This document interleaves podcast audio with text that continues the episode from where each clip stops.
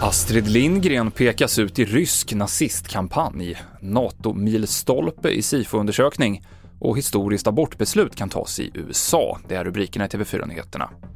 En reklamkampanj som pekar ut kända svenskar som nazister har dykt upp på busskurer runt om i Moskva.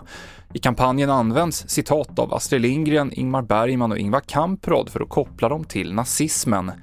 Rysslandskännaren Patrik Oksanen säger att Ryssland har som vana att peka ut meningsmotståndare som nazister och så här säger han om varför det nu riktas mot Sverige. Ja, det är ju svårt att inte koppla det här till den svenska eh, processen, den svenska och finländska processen att söka NATO-medlemskap eh, och den diskussion som är i, i Sverige och eh, att Ryssland då passar på att eh, måla upp en fiendebild eh, av Sverige gentemot befolkningen i, i Moskva.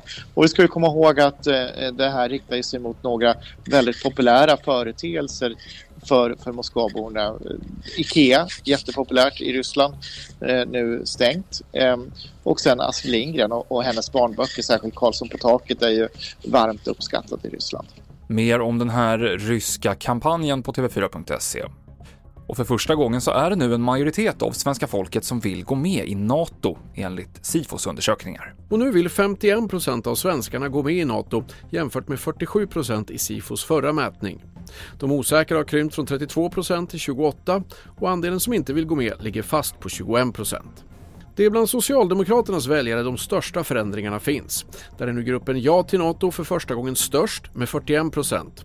Socialdemokraterna har just nu interna rådslag och kan eventuellt vara på väg att byta åsikt om NATO. Sa vår reporter Jens B Nordström. Vi avslutar i USA där Högsta domstolen kan vara på väg att häva aborträtten, något som framgår i läckta dokument. Blir det verklighet så innebär det att ett halvt sekel med aborträttigheter för alla kvinnor i USA upphävs. Och protester har redan dragit igång, bland annat i Washington, där en av de som protesterar är Emmy Goyette. Um, it's scary and it's sad and it's pretty upsetting. Fler nyheter hittar du på tv4.se i studion Mikael Klintevall.